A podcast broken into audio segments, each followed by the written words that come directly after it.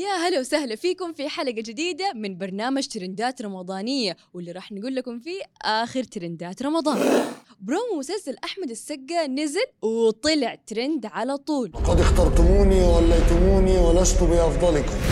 المسلسل راح يتعرض في النص الثاني من رمضان ومشاركة أحمد السقا في المسلسل كانت بمثابة مفاجأة للجمهور والمتابعين بعد ما اعتقد الكثير أنه راح يغيب عن المسلسلات لهذا الموسم. وتدور أحداث مسلسل حرب حول عشر حلقات تشهد كل حلقة العديد من الأحداث المثيرة والمشوقة اللي بتجمع بين أحمد السقا ومحمد فراج. قول لنا متحمس تشوف المسلسل ولا لا؟ مشهد الطلاق في الهرشة السابعة. إني أبرأتك يا زوجي. من مؤخر صداقي. من مؤخر صداقي. ونفقة عدتي.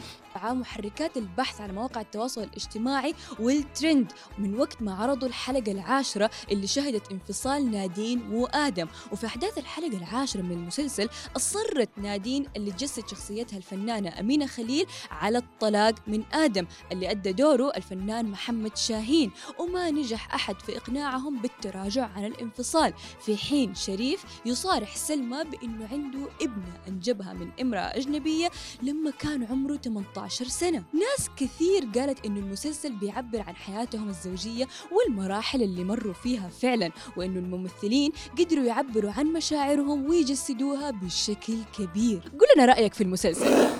إطلالات مي عز الدين في سوق الكانتو تتصدر قائمة الأكثر بحثا على السوشيال ميديا.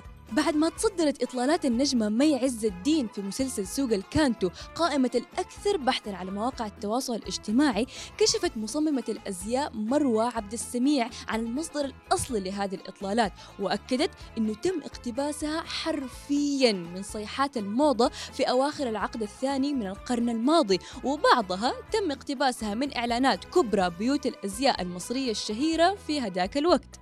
بالإضافة لمراجعة الأفلام الصامتة اللي تم تصويرها في هداك الزمن.